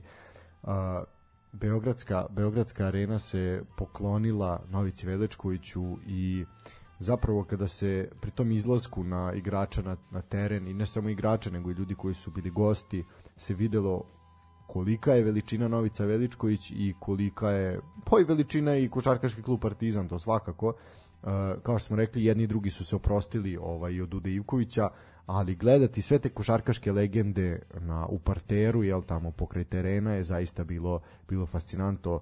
Emotivan je ulazak Duška Vujoševića na u halu pa i Predraga Danilovića i Berića i Kecmana i tako dalje, pa bili su tu i Kosta Perović i Milenko da. Tepić. Znači bili zaista... su ljudi koji nisu iz sveta košarke, nego su iz nekih tako. drugih a, sportova, došli su da odaju veliko priznanje Novici Veličkoviću za sve što je do sada uradio u svojoj karijeri. Mi ne znamo da li će on ući u trenerske vode, da li će otići u neke funkcionirske, čime će da se bavi, to je na njemu ali stvarno jednom je presekao i rekao je sebi dosta. Znajmo da je posljednjih par sezona igrao sa velikim bolovima, da je gutao tablete i primao inekcije, da, da bi mogao da izdrži celu sezonu. Opet jednostavno telo je rezultiralo tako da, da više ne može da, da podnese to i eto, prosio se pred punom Beogradskom arenom zahvalio se svima, dirljiv je bio govor onaj koji je uputio na kraju, znači zaista je zahvalio se i porodici, pa i Duletu Jošiću, Saši Daniloviću, Dudi Ivkoviću, eto opet kažem, ta neverovatna, neverovatan moment da ovaj da je to Duda napustio baš na taj dan. Ovaj, zaista poželio je svu sreću Željku i celoj ekipi i ono što je najbitnije da ih prati zdravlje što eto nažalost Novica nije imao tokom većeg dela svoje karijere. Ovaj i onako jedan emotivan kraj bio kada je poručio da bi voleo da se svi zagrle i da budu složni i da budu zajedno i onda je ovaj poveo povenu čuvenu pesmu. Tako je na, da je cela hala eksplodirala mislim ono svi su svi su krenuli tako da je poprilično i svi su imali zaista ovaj lepe reči i od Duleta i od Saše Danilovića svi su zaista uputili i rekao je da će sada biti navijač, da će da pređe na tribine, da je kupio sezonske karte, samo me zanima po koje ceni. Ovaj, znamo smo, da li uzeo na rate? Da, da, li uzeo na rate, to mi interesuje. Uh, zaista je to 10 nezaboravnih godina u Partizanu i nezaboravne, nezaboravne emocije, čovjek se zahvalio zahvalio ovaj, igračima i navijačima. Uh, šta reći, mislim kad se pogleda imena koja su sedela u prvom redu, znači Uroš Tripković, Aleksandar Rašić, Slavko Vraneš, Predrag Šuput, Ratko Varda, Vladimir Koprivica, Saša Ilić je bio tu, na primjer. Eto, da, je, sa suprugom i čerki sam Da, da, da, pa eto, uručio je tu, ovaj, tu prigoda neku, neku ovaj, memorabiliju, tako da zaista, zaista lepo. Što se tiče same utakmice, to je bila jedna od provera Partizana pred početak sezone, da je Partizan igrao dosta dobro, savladao aktualnog prvaka Evrope, ovaj, i poprilično onako bili su uh, ima ta slika koja kruži internetom gde je uh, Željko Bradović gori ovaj crvene glave pretpostavljam da si video ovaj tako da čovjek toliko žara. Mislim da ono što jedino nije dobro da se Smajlagić povredio to nije dobro. Ovaj Partizan očekuje sad još još nekoliko prijateljskih utakmica pred sam početak sezone. Mislim da upravo ovim Partizan još uvek traži formu pa da, mislim traži će se i u prvim kolima sigurno. Ali I, mi je drago što na primjer ovo je bilo stvarno ozbiljna provera. A sledeće upravo to sam krenuo kažem, znači danas negde već sad u ovom periodu mislim da upravo igraju protiv Panathinaikosa u Atini. Da, ili su sa Fenerbahčem tako je, tako je. Ovaj, ili, sa Monakom. Da, da, sa Monakom Fenerbahčem na na onom prijateljskom turniru ili su sad tu prijateljsku utakmicu sa Efesom na oproštaju Novice Veličković, evo ti sad napomenuo da igraju sa, sa Panathinaikosom, e, zaređali su prijateljske utakmice sa ozbiljnim ekipama i traže neko svoje mesto u Evropi uh, pokušavaju da vide kako to rade evroligaški klubovi Tako je. i verovatno će uh, primeniti taj sistem uh, forsiranja jakih utakmica i pre početka sezone. Da, samo uh, sezona, reći... sezona je poprilično duga, Partizan se takmiči i u Evropi da, i u Evroligi i bit će baš interesantno videti koliko može da dogura ove sezone. E, evo upravo je stigla poruka 10 razlike vodi Partizan u četvrtoj četvrtini protiv Panathinaikosa. Eto, ozbiljno, ozbiljno, ozbiljan tempo već sada.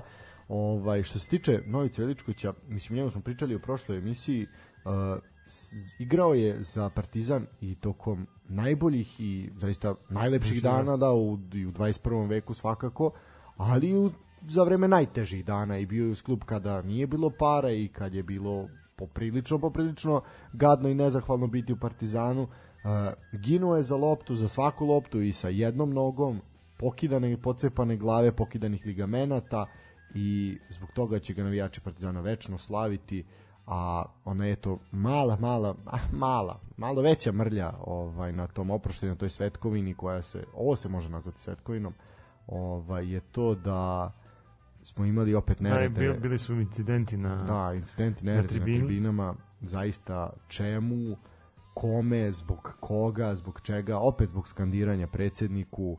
Uh, je bilo skandiranje predsedniku? Jeste, zbog toga je bilo, da, zbog toga su se pokačili. Uh, Jer ja sam čuo i dobio tu informaciju da je došlo do spontanog nekog sukoba mm, bilo. jer su ljudi ono, malo više popili pre utakmice pa je došla koja reč koja je izazvala taj incident. Mm, I pa, eto, mislim, nije se, tokom prenosa se nije moglo čuti, ali smo čuli od naših drugara koji su bili u areni, ovaj, da, je, da je bilo povika i da je zbog toga eto ta južna strana ponovo bila isprovocirana i napravila ono što je pravila na evropskim ovaj, utakmicama Partizana. Uh, Mislim, ja sad postavljam pitanje zašto, Pazi, ovo je prijateljska, prijateljska utakmica koja je pritom imala pa, humanitarni karakter. Humanitarni karakter, pritom ispraćaš kapitena koji je ono simbol uh, borbenosti i zapravo sve ono što otelotvorenje onoga što Partizan predstavlja i onda na takav način praviš haos. Mislim, videlo se da u tom momentu se to dešavalo, kamera je pokazivala i samog Novicu i sve i videlo se da ono, ljudima je teško da tako nešto gledaju. Znači, imaš jedno veče emocija, ono, sećanja, suza, znaš kad ti izađu neki od ono, najboljih asova ovaj, kluba u, u 21. veku, znači prelepo to što su svi bili u belom to je isto jako jako lepo bilo ovaj sve je bilo posvećeno da to klub na primer delio majice, majice sa da, njegovim da. likom i onda zaista na toj nekoj savršenoj belini se pojavi takva jedna crna mrlja ovaj ali uh, ono što je Živan Živan pričao i što je pokušao da kaže a što mu mi nismo puno ovaj puno dozvolili da Partizan jeste i crn i beo i bordo i plav savršen sklad boja i estetika ali i tuge i radosti ali zaista postoji neka granica do koje treba da se ide a crna mrlja je zaista eto, u četvrtak uveče ostila fleku na belom i ukaljala jedno prelepo veče. Uh, nažalost, ajde, nije se mnogo, mnogo pričalo i nekako obično mediji uhvate pa žvaću tu temu, ali eto, da li iz respekta prema Novici ili prema Dudi jednostavno spomenulo se i zaboravilo se? Mislim da jednostavno stvarno nije ni vreme ni mesto da se priča o tom incidentu. Mi smo ovo spomenuli zato što nas je lično dotaklo. Zato što je nas lično dotaklo sve ovo i, i dotaklo bi nas i da, da se radi i, u Crvenoj zvezdi da, ne, i da, da se Mega Lex ovaj Mega Lex da se Mega oprašta od uh, nekog njihovog igrača da to isto doživi. Pa ne, naš opet uh, stvarno opet ne, nepoštovanje prema tom čoveku zbog kojeg si došao, nepoštovanje prema tom klubu, nepoštovanje zbog cele A prema svima, mislim, da. Upravo to. Prema svim tim legendama koji su sedeli u prvom redu, mislim, zaista, dokle više to. Ovo je šesti put ove sezone da pričamo o ovakvim incidentima. Znači, ajde dosta, jebote, pa i sam Stanović je to rekao, dajte ljudi, bre, mislim, znaš ka, voleo bih da se sad, a za, mislim, definitivno će toga biti, da se uvedu te COVID propusnice. I onda da se na težak način dolazi do stadiona i do, do hale, nebitno, I onda će možda ljudi malo više ceniti. Možda, možda, ja se nadam da će malo više ceniti, jer ovo zaista nema smisla. Znači, ajde, opet, opet ponavljam, za vreme vandenog stanja svi su plakali, kukali i igrali su se pred praznim tribinama, što futbal, košarka, sve ostalo. Znači, i bilo je ja samo da nas pusti, ja samo da nas pusti. onda te pustim da praviš ovakva sranje. Pa nemojte to raditi, dajte, podržite klub. Mislim, ne, ovo kao, bar malo neke osnovne kulture.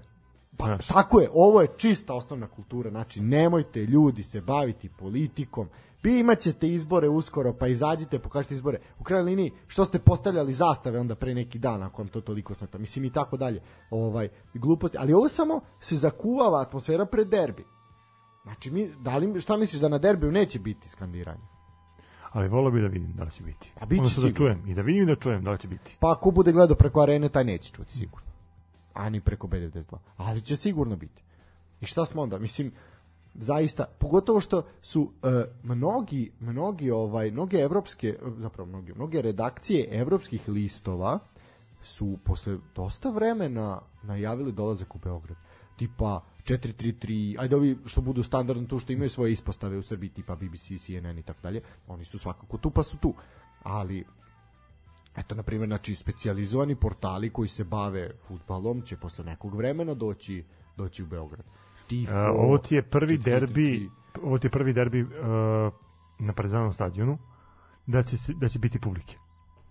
Prošli derbi se nije igrao uh, bez publike, a, nije se igrao ni onaj... A za, čekaj, čekaj, a igrao se onaj derbi e, polufinale kupa kad je Natko dao go, to je bilo, to je baš ono nakon popuštanja mera, onda je taj bio sa publikom. Sećaš se da su svi komentarisali ludilo u Beogradu 18.000 ljudi na stadionu. Taj derbi se igrao. Da, taj derbi se igrao i pa posle toga imao si, imao si uh, dva plus finale kupa. Da, da, da. da znači tri tako. derbija bez publike. Tako je, da. I čekaju svi na, na, na ovaj derbi. A dobro, na finalu kupa je bilo publike pa i u ložama. Dobro, da. pritom pogledaj, na primjer, da, da Partizan onda dve godine nije sa publikom ugostio e, Crvenu zvezdu. Pa, šta misliš šta će se dešavati, mislim.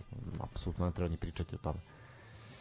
Da, ovaj, mislim da, sad ovako iskreno, da li bi ti svoje dete odveo na večiti derbi?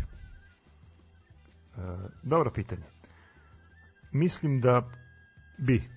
Iz prostog razloga što, eto, ajde, ja sam ta osoba koja je stvarno 90% svog slobodnog vremena posvećen futbolu i našao bi način kako i pored svih tih incidenata, pljuvanja, svega toga što nosi naš a, sport u Srbiji, ali opet mislim da i konačno došlo vreme da možemo da kažemo da Partizan i Zvezda imaju dobre timove, da možemo da gledamo dobar futbol, da možemo da očekujemo dobar futbol.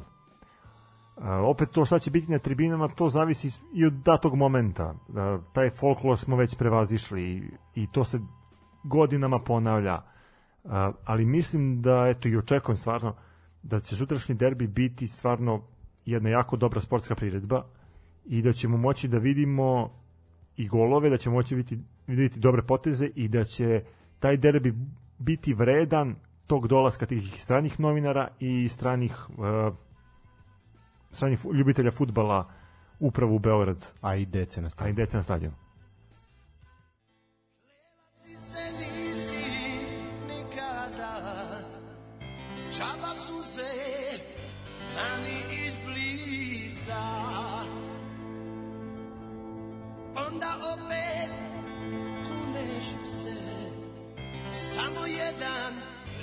Prije mene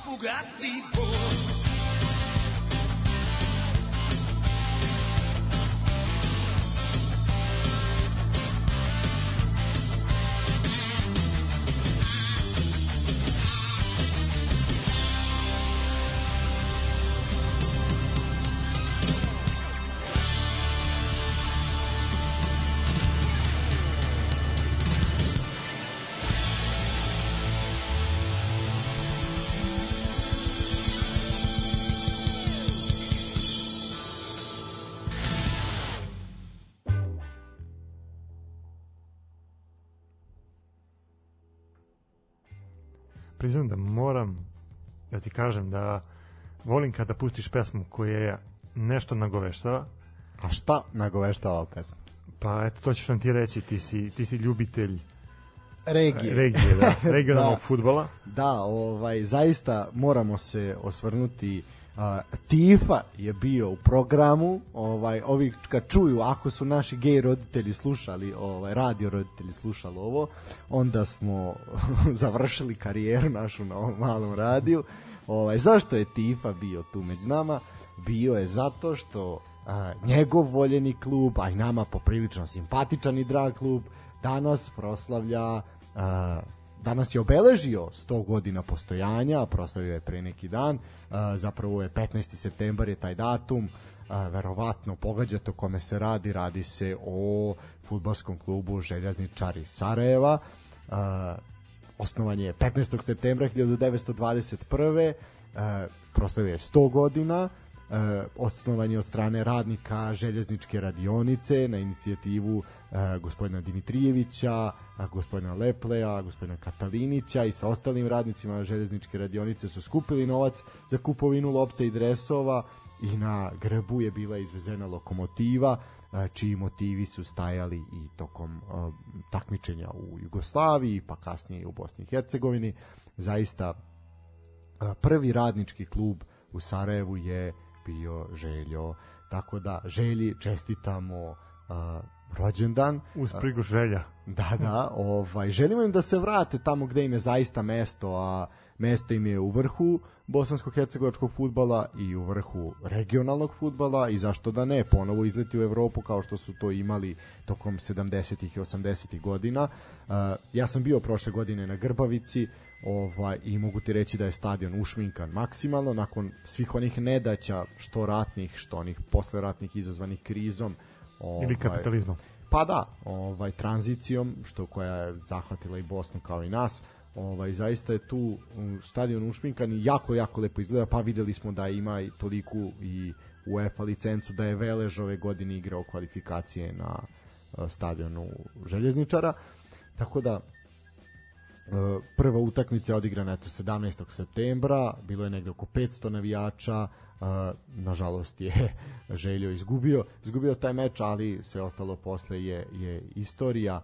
Uh, reći ću samo da je ono što je obeležilo svakako Želju ukratko, to je oduzimanje najboljih igrača.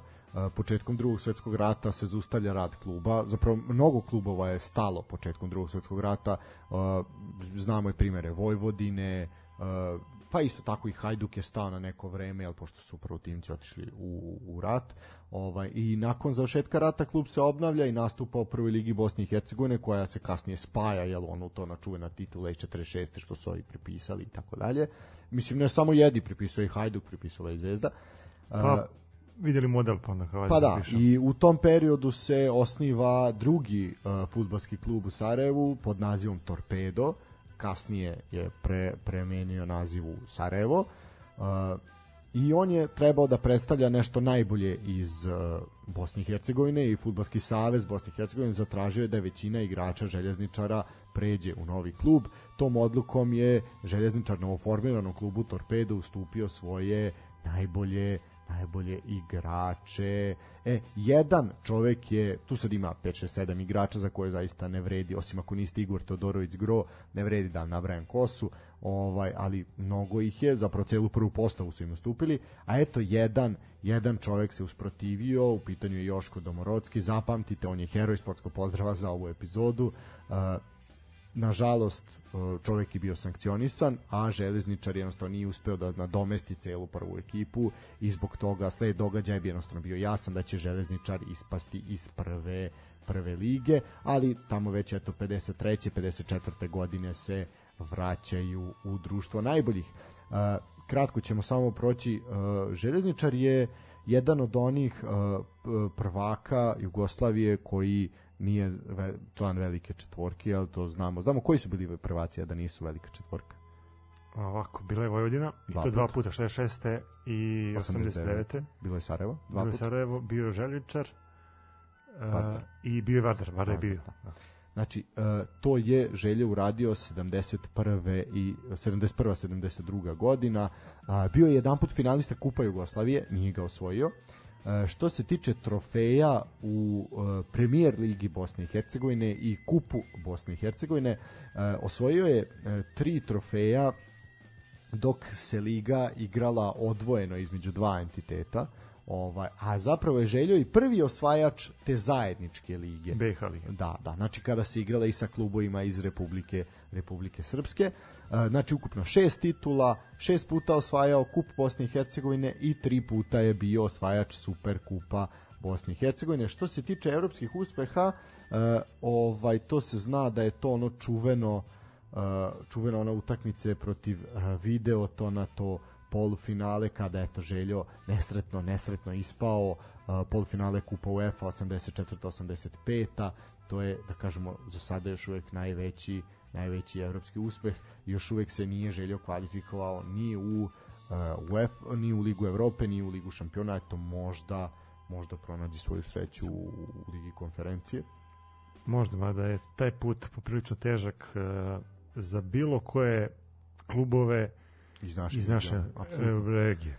Što se tiče najpoznatijih igrača, uh, koji je prvi igrač kada ti padne pamet, kažem, železničar? Ja, ne znam, stvarno. A Ivica Osim. Dobro, jeste. I, Ivica Osim je zaista legenda. Eto, i dočekao je stoti rođendan svog železničara, čovjek je zaista ikona kluba, sada već u poznim, poznim godinama, mislim čovjek ima 90 nešto godina, ovaj, i jednostavno, ali vidi se ta opet sreća i sve i nakon brojnih bolesti koje je imao i zdravstvenih teskoba, ovaj, eto, dočekao je i poručio je onako emotivnu poruku ovaj svim navijačima navijačima uh, željezničara. Kratko ćemo znači Josip Katalinski kao jedan ozbiljan reprezentativac u to vreme Mehmet Baždarević Ivica Osim uh, imamo tu svakako Edina Džeku koji je možda i sa najvećim evropskim dometima definitivno igrač uh, Šabanadžović zatim imali smo Marija Stanića Elvira, Elvira Baljića Ratko Ninković, znači imali smo tu zaista je zaista jedan onako dosta, dosta, dosta uh, što se tiče poznatih trenera Milan Ribar, Ivica Osim, Blaž Slišković znači tu je onako poprilično sada ga vodi Tomislav Ivković legendarni golman reprezentacije Jugoslavije je sada trenutno trener. Da, čovjek koji je Maradoni odbranio penal. Tako je, ovo, eto, on je sad trenutno eto, možemo kratko samo rekord kluba, najveća pobeda je Željezničar je dobio uh, Barak u Bohpu sa 18-0. Kogod da su ti bili, nisu se dobro proveli. ovaj tako da eto to je to je neka neka ovaj neko do istorijata. Da, da. Uh, što se tiče znači pro, uh, bila je jedna zanimljiva akcija. Meni je divno što je grad Sarajevo se totalno podredio željezničaru ovim danima i boje na svim uh, zgradama koje su mogle da ono da imaju taj efekat ono da se pusti neka projekcija su obojene u plavo sa 1000 oznakom 1921 koja je godina osnivanja. Uh, juče je istračan maraton gde su trčali po Grbavici, onako dosta poznatih ličnosti, dosta navijača, što je eto poprično lepo da grad uspeo da se usredsredi i eto da uveliča tu jednu proslavu što Železničar zaista zaslužuje. Kako ti vidiš da će neki od naših velikana, pritom mislim na Crnu zvezdu i Partizan, proslaviti svojih 100 godina? Ovako, Zvezda je proslavila već 75. rođendan. Da. Ove godine Partizan to čeka u oktobru. Njima fali još 25 do, do zlatne stotke. Ćemo mi dočekati tu stotku, a? A teško je. pa, ne znam.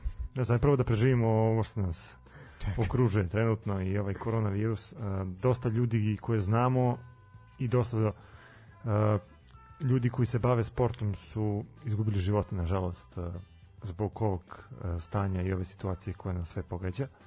Tako da je stvarno nezahvalno predviđati da li možemo to da dočekamo. Ako to za nastavi da krka, ko što je počeo pitanje da ćemo dočekati. Pa možda sam i prešiša. Misliš da? Pa da, pa takvi da. To tako ide u životu. Da. Znaš kao i... Slažem se. Ovaj. Ali bi stvarno volio da, da doba naša velikana to dožive. Volio bi da dožive i još neki futbalski klubovi koji imaju mnogo veću tradiciju od Crne zvezde i Partizana da dožive taj stoti rođendan. Uh, pritom, eto, radnički iz Kragujevca, mislim da za dve godine da, da, da. Uh, slavi stoti rođendan i radnički iz Niša. Između ostalog, uh, imali smo imali smo maču koja je uh, 2019 proslavila stoti jubilej. Pa imali smo i Vojvodinu. Imali, imali smo Vojvodinu, imali smo Hajduk iz Kule koji se potom ugasio. Tako. Imali smo između ostalog i, i futbolski klub Bor koji je neslavnom uh, odlukom svojih uh, gradskih čelnika sebe doveo u, u još goru situaciju i ugasio pre svog stotog rođendana. E, o tome možda treba da pričamo nekom drugom prilikom, ipak je ovo uh, veče posvećeno između ostalog uh, i futbolskog klubu Železničar. Ali stvarno ponekad mi se čini da uh, da ne znamo da se ophodimo prema, prema onome što, mi ima, što imamo i ne znamo da cenimo sve te godine koje neki sportski kolektiv ima. Uh, kada se me to pitao sad da, kako gledam na to da da velikani naše futbalski iz Beograda proslave svoj stoti rođendan. Pitanje je još jedno, kak, u kakvom će obliku biti futbala za 25 godina. Da, i to je veliko pitanje, da šta će se ono, možda će se šutirati te trajedar, ne, Evo, neće Slušali smo po medijima uh, prognozu da Zvezda može da bankrotira, da može i Partizan. Pa da. Opet je pitanje šta će se desiti za tih 25 godina, koliko njima fali do, do, do vlasne stotke ali eto, nadamo se najboljem i nadamo se da ćemo i mi biti svedoci tih velikih uh, jubileja, istogodišnjici. A volo bi iskreno da, da, da sve to protekne u, u nekom folkloru i koloritu koji je prilagođen i jednima i drugima. Evo, na primjer, iskreno, ja da sam sad navijač Sarajeva, meni bi mnogo, mnogo pogodilo da ceo grad pa bude isto će tako biti kad Sarajevo, da. Pa da, pa isto će tako biti kad Sarajevo bude, bude slavilo. Ovaj, ono što je moram istaknuti kao zaista lep gest je to je da je e, klub pozvao sve navijače i navijači su se zaista i odazvali da svi dođu sređeni i u odelima, u košuljama i to se može vidjeti na ovim fotografijama sa meča gde zaista zaista to izgleda jako lepo gde su svi onako u plavim košuljama.